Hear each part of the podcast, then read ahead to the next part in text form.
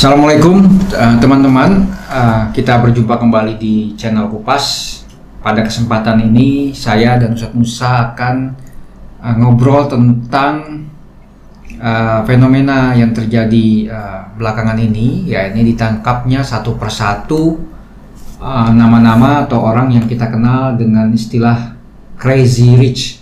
Ya mereka memang selain kaya juga crazy karena benar-benar memamerkan kekayaannya yang uh, sangat mewah, barang mewah, mobil mewah, rumah mewah, pelesiran tempat mewah di media sosial.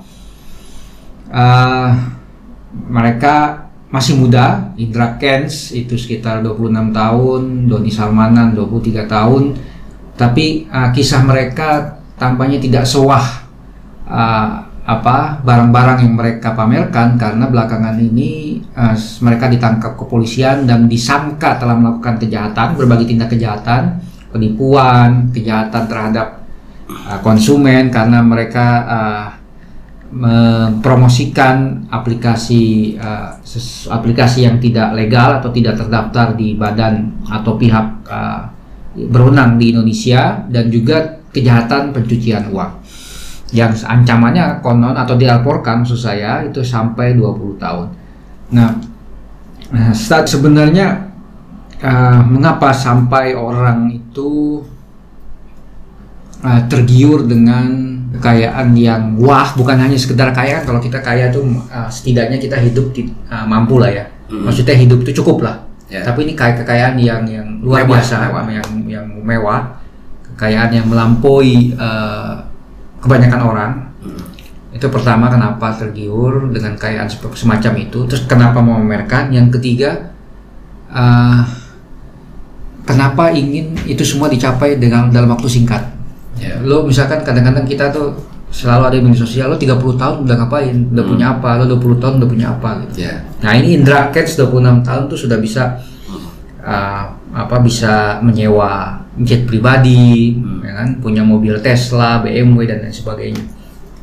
Ya untuk pertanyaan pertama kenapa orang ingin hmm. kaya? Hmm. Karena ada dalam pikiran orang-orang yang ingin kaya itu kekayaan itu adalah kemuliaan, kehormatan, hmm.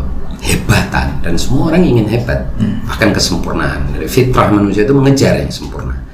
Ketika objek kesempurnaannya itu adalah materi, maka dia mau kejar materi Nah ini yang pertama. Yang kedua soal uh, mengapa orang tergiur hmm. dengan yang terlihat. Hmm. Saya kira itu watak manusia pertama kali dia akan terstimulasi hmm. atau terpancing ya terrangsang oleh sesuatu yang tampak. Tanpa uh, lagi berpikir panjang, dia ingin merebut sesuatu yang tampak itu. Dan itu kalau kita lihat dalam uh, ada sebuah seorang psikolog yang bernama hmm. Abraham Maslow kan dia bercerita tentang pertumbuhan manusia. Umumnya manusia itu ketika di masa kanak-kanak dia ter uh, kagum dengan sesuatu yang tampak, yang indrawi hmm. uh, dan itulah yang menyebabkan pertanyaan ketiga ya orang kemudian ingin itu cepat didapat hmm. supaya tidak berlama-lama karena posisi sempurna semakin cepat didapat semakin bagus dong. Hmm. Nah kemudian para uh, guru akhlak atau para pakar hmm. ah etika mengatakan bahwa pertama manusia itu harus mengubah dulu kesempurnaan itu mengubah dulu mindset dia tentang apa yang disebut sebagai kesempurnaan yang kemudian diharapkan melahirkan kehormatan, kemuliaan dan kehebatan dan keunggulan itu harus diubah dulu. Kalau itu masih tetap materi, maka dia akan mengejar materi itu. Nah, di sinilah sering kali para penipu itu bergerak karena dia menawarkan materi. Hmm. Nah, padahal kita tahu materi yang benar, yang halal itu susah didapat hmm. ya, dan tidak mungkin ada sesuatu yang didapat dengan begitu cepat kecuali dia uh, melakukannya dengan cara yang tidak dilakukan oleh orang lain kan berarti hmm. kalau orang lain nggak boleh atau tidak melakukan berarti ada ada masalah ini di sini hmm. berarti kamu ada sesuatu yang buat orang lain haram buat kamu halal nah kalau saya selalu prinsipnya adalah dan saya kira ini para orang rasional orang waras itu hmm. kenapa dia bisa jalan cepat kenapa dia cepat dan melebihi kecepatan orang lain hmm. ya kemungkinan dia cheat artinya dia tidak melalui prosedur tahap-tahap yang harus dilalui oleh orang lain untuk sampai ke sana. Kalau di game itu namanya cheat, Pak. Hmm. Nah, kalau dia cheat, berarti dia eh, tidak sama dengan yang lain. Dan ketika itulah muncul perasaan ketidakadilan, perasaan orang lain. Dan karena itu eh, dia harus dihukum karena dia melakukan yang buat orang lain tidak boleh. Karena kalau tidak salah itu seperti anak-anak ini, karena antara lain dituduh melakukan penci- pencucian uang. Hmm. Dan saya kira itu sebetulnya juga binomo dan ini pernah kita bahas ini banyak orang mengira eh, k- crypto trading atau perdagangan kripto itu sama dengan binary option ini padahal binary option ini ya close to gambling dan gambling memang pada akhirnya ini cuman judi aja cuman dibungkus online judi online. Dibungkus seolah-olah trading ya. seolah-olah trading padahal ya judi karena nggak tahu kamu bagaimana kamu bisa tahu sesuatu? Tidak ada, tidak ada hitungannya yang oleh sebab itu kalau kita lihat kan ini eh, kalau tidak salah 85% orangnya itu kan zong ya. Orang yang masuk ini kan cuma pernah menang sekali maksimal dua kali habis itu mau puluhan kali juga sudah eh, selalu eh, kalah ya selalu rugi. Itu kan berarti artinya ini barang eh, ada yang tidak benar. Apalagi ternyata anak-anak ini kemungkinan terjerat juga eh, bahwa mereka memainkan me- o- mengoperasikan itu dengan cara kalau rugi yang dapat afiliator kan gitu. Berarti kan orang dia dan dia juga pada akhirnya yang akan dapetin. Itu kan berarti eh, dia bandar dong Hmm. seperti bandar judi kan umumnya. Nah, tapi di sisi lain, menurut saya ada yang perlu diubah dalam cara berpikir masyarakat. Kita harus mengatakan bahwa harta itu bukan kemuliaan. Hmm. Selama kita belum bisa mendidik itu, orang-orang yang pen- para penipunya kan mudah menipu mereka yang ingin cepat kaya ini tadi. Padahal kita sudah pernah bahas itu tentang flexing dan kebanyakan orang yang menunjukkan kekayaan itu ingin menjual sesuatu kepada calon konsumen atau calon korban penipuan. Ini, kamu mau seperti ini? Oke. Dan itu dulu sering pak, kita kalau zaman-zaman dulu lah di akhir-akhir namanya proyek-proyek pemerintah itu biasanya kalau yang datang bawa mobil mewah, padahal ini mobil sewaan, pakaiannya eh, necis ya, dandanannya keren dan sebagainya, langsung dapat poin orang ini. Hmm. Bahkan dilihat nih, naik mobil apa sih orang itu? Ah, oh naik mobil itu. Padahal bisa jadi itu nyewa, bisa jadi itu eh, dia apa namanya pinjam orang dan lain sebagainya. Sudah itu sudah gelap mata orang langsung dengan mudah bisa ketipu. Saking apa? Saking gilanya sama Yang eh, tampak. yang tampak dan yang, yang harta itu gemerlap itu. Hmm. Nah, ini saya kira yang harus diubah di dalam masyarakat untuk menghindari cara-cara penipuan seperti ini. Selain Jadi sebenarnya kalau Indra Kents dan Doni Salmanan tampil compang-camping orang juga nggak percaya ya dia percaya sukses di trading. dan dia nggak dia nggak bisa menipu siapa-siapa gitu. Makanya dia kan harus menampil. Nah, dia marketingkan aplikasi penipuan atau sistem penipuannya itu dengan menampilkan kekayaan itu dalam rangka menarik sebanyak mungkin orang untuk melihat dia. Yang saya heran tuh di usia dia yang sangat Hmm. masih relatif muda itu sudah bisa jadi. Penipu yang luar biasa ya. Nah ini yang mengherankan dari mana dia dapat ilmu seperti itu? Apa dari nonton film atau memang ada ilham sendiri atau ada ada uh, apa? Dia pikir itu bisa dia amankan nanti ya ketika sudah banyak duit. Karena anak-anak seperti ini kan pikirannya pokoknya kalau sudah ada duit ya semuanya mudah dia jalankan karena di otak dia begitu. Dianggap tidak ada hukum tidak ada negara tidak ada orang lain.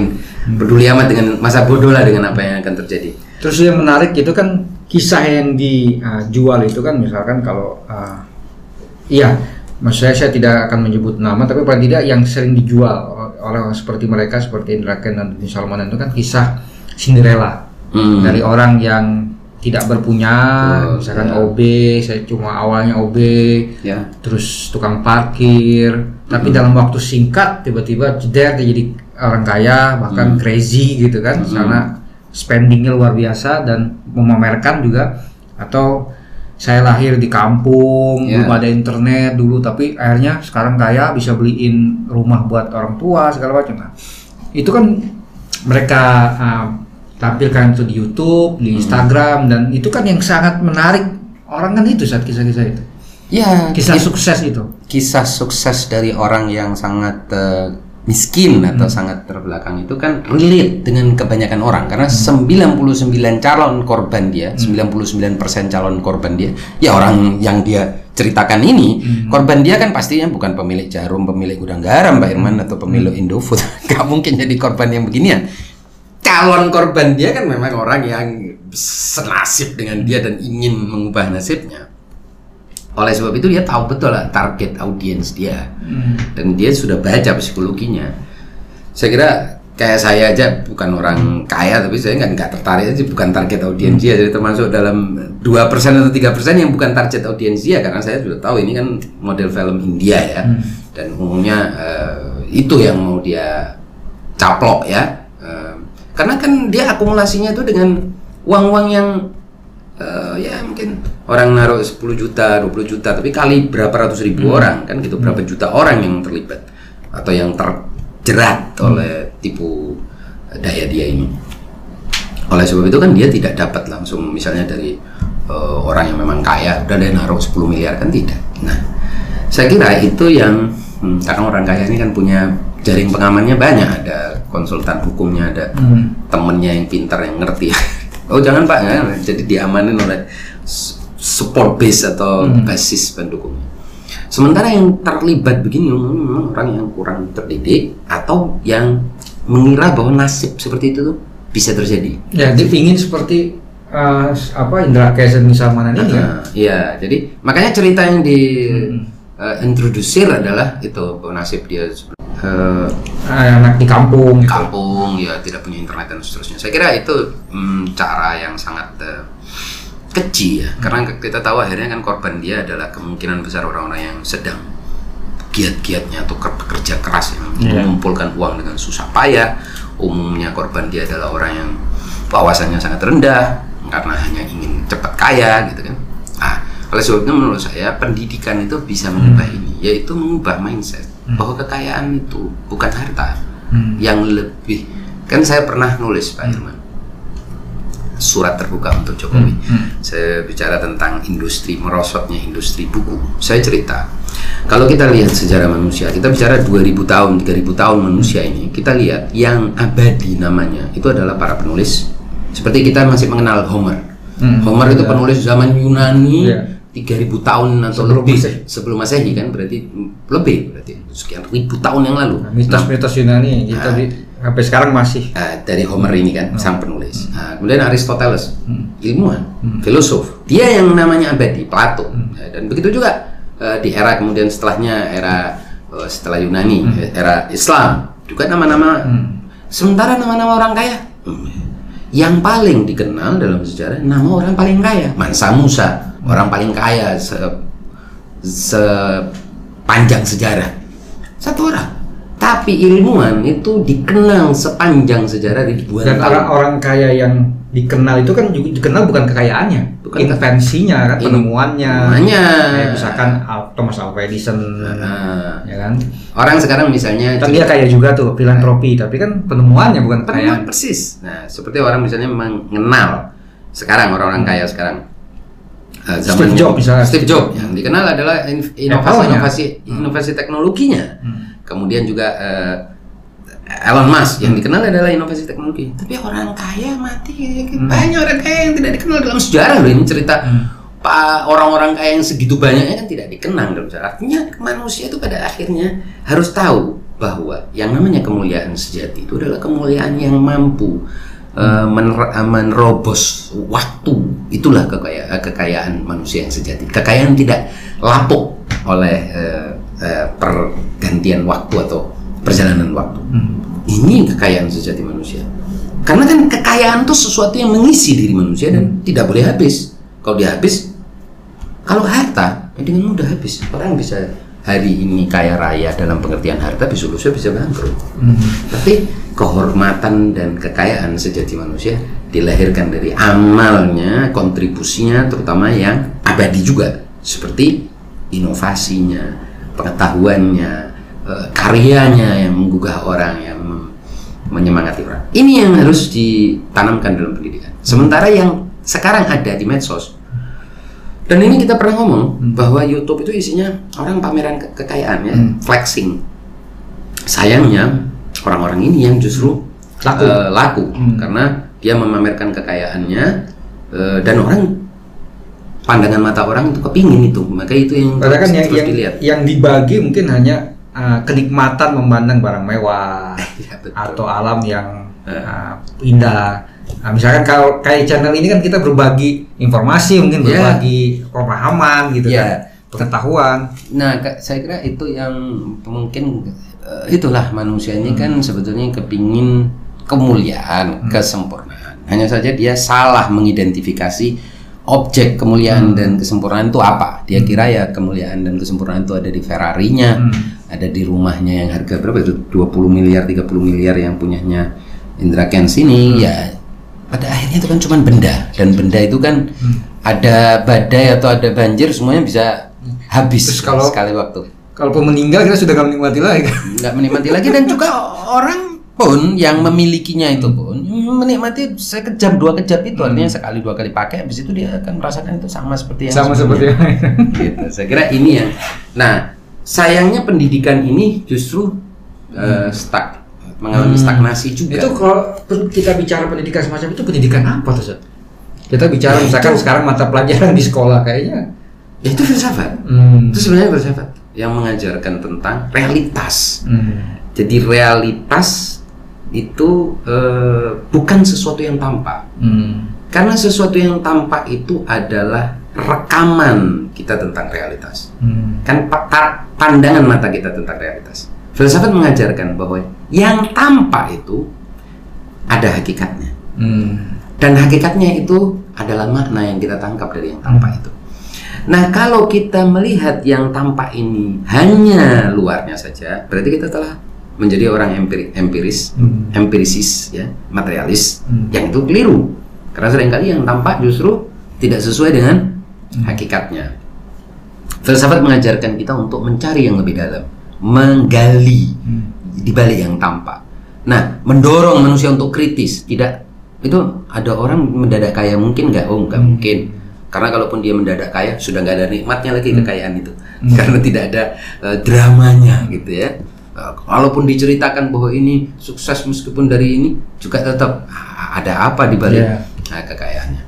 Nah, saya kira ini yang perlu didorong, pendidikan filsafat yang benar Eh, dengan lebih banyak berlatih ya daripada sekedar menerangkan tentang sejarahnya. Seringkali filsafat itu di- dianggap pendidikan tentang sejarah padahal sebetulnya melatih manusia untuk berpikir lebih dalam, lebih kritis, lebih substantif tentang masalah. Ini yang hilang dari pelajaran. Pelajaran anak-anak kita sekarang kan, kan banyak kan itu hafalan. Hafalan akhirnya mereka sendiri tidak tahu apa ya yang dihafal ini maksudnya apa. Yang jelas maksudnya cuma satu supaya nanti kalau ujian bisa jawab. Setelah itu apa? Nah, ini yang saya kira hilang. Kalau uh, Pak Renat Kasali kan mengusulkan semacam apa literasi finansial. Tapi sebenarnya kalau filsafat itu lebih umum lagi ya. Lebih dalam Dia lagi. lebih dalam lagi karena bisa dipakai buat apa saja, kritis kepada apa saja. ya perspektif yang substantif tentang apa pun Hmm. tentang yang kita lihat yang kita dengar yang kita raba kita gali lebih jauh ketika kita punya eh, daya kritis dan insting untuk menggali nggak ada lagi yang bisa menipu kita dari luar Kita itu bisa jadi motivasi untuk belajar lebih banyak kan lebih banyak dan dalam banyak masalah. ya dan merogoh ke dalam bukan lagi yang terlihat Iya. di luar ya.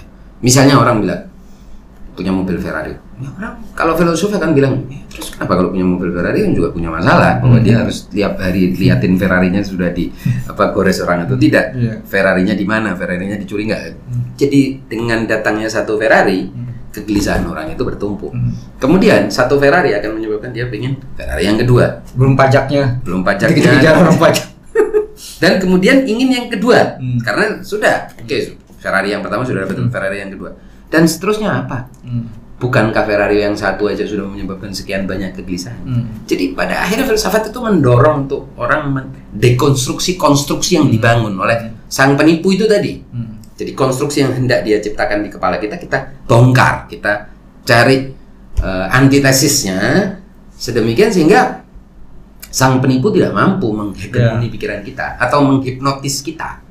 Dengan mudah kita bisa bilang enggak saya nggak kepingin seperti kamu Hmm. kamu aja jadi sendiri Iya. nah Hmm. kalau jualannya sudah nggak laku Hmm. penipu itu kan mati sama seperti saya ingat di zaman waktu saya kecil saya kira juga pak Hmm. Irwan juga ngalami di alun-alun biasanya ada tukang jual obat Hmm. oh, obat ini obat ini semua itu ada bias kita itu di di zaman dulu waktu kecil dipanggil itu ada anak-anak kritis juga ya anak-anak itu seumuran dia bilang ayo coba minum dulu obatnya dia jangan jual ke orang maksudnya obat ini akan bikin ya udah coba minum bisa nggak itu itu sebetulnya eh, saya kira daya kritis itu yang harus dipupuk. Hmm. makanya saya ini Pak Irman dalam mendidik anak itu kadang-kadang saya suka anak itu nakal. Artinya dia tidak selalu eh, menerima semua omongan kita. Hmm. karena kalau sudah mulai menerima semua omongan kita dia kehilangan daya kritis. Seperti anak-anak ini Indra ini segala macam kok bisa diterima omongannya bahwa itu semuanya eh, milik dia bahwa itu semuanya adalah kesenangan? Dari mana siapa yang senang sih punya itu? Kan harusnya orang berpikir Pak Irman saya ingat persis ya ibu saya itu rumahnya kecil ya dan dia selalu bersyukur karena rumahnya kecil. Kenapa? Dia bilang kalau rumah saya besar kan susah ya punya, susah membersihkannya, susah ngelihatnya. Hmm. Ada binatang atau apa masuk. Dan rumah kecil itu lebih simpel, lebih ini. Ini kan justru filosofi moral Ya. kesederhanaan itu ternyata nikmat. Ya saya bisa membayangkan eh, apa influencer-influencer semacam mereka itu pasti bilang, ayo dong ikutan dong, ini Hmm. kayak gue nih bisa punya ini, bisa, punya ini. itu, Heeh. kamu juga bisa, gitu, ayo dong ikutan. Gitu. Padahal harusnya kita jawab, enggak gua nggak mau, Nggak mau. ngapain sih, lu aja punya begituan, gua nggak pingin gitu. Harusnya kita bisa Iya, begitu kan. Kalau kita ada nakalnya, Hmm. nah nakal Buat istilahnya. apa kita punya itu? Eh, buat apa sih punya itu? Nggak, nggak punya juga nggak apa-apa, enak kok. Maksudnya, ah, kemudian akhirnya orang itu akan belajar bersyukur. Hmm. Kan begini aja enak, udah Hmm. bagus, Hmm. happy. Ngapain harus seperti lu? Gua kan, ah, saya kan saya, kamu kan kamu, urusanmu udah. Hmm. Maka trik-trik mereka nggak akan jalan. Nah, apa yang bisa menghambat trik-trik ini? Saya kira ini trik ini akan terus kan. Hmm. Ya, Iya. akan lahir yang lain dengan Iya, metode yang lain. kan sudah pernah ada sebelumnya itu ada investasi bodong yang sekian Hmm. banyak yang Apalagi sekarang media sosial kan. Iya, dan sebelum-sebelumnya kan sudah ada apakah terkait dengan urusan akhirat, Hmm. eh, katakanlah Iya. investasi bodong urusan akhirat ataupun urusan Ah, cepat iya, kaya. iya, iya. Saya kira semuanya dengan mudah bisa kita dobrak kalau kita ada kenakalan. Hmm. Nah, mungkin istilah yang jelek nakal, tapi nggak apa-apa. Ya itu daya kritis. Hmm. Kita kita bilang apa sih kenapa sih? Nah ini yang kurang, Pak. Makanya saya itu kalau ngajar, saya kebetulan ngajar sudah lebih dari 20 tahun kan. Jadi siswa saya itu saya sering kali orang Indonesia itu kurang bertanya. Hmm. Jadi mengira dirinya sudah tahu. Nah ini problem. Jadi kalau diomongin ya dengerin aja. Harusnya tanyain dong.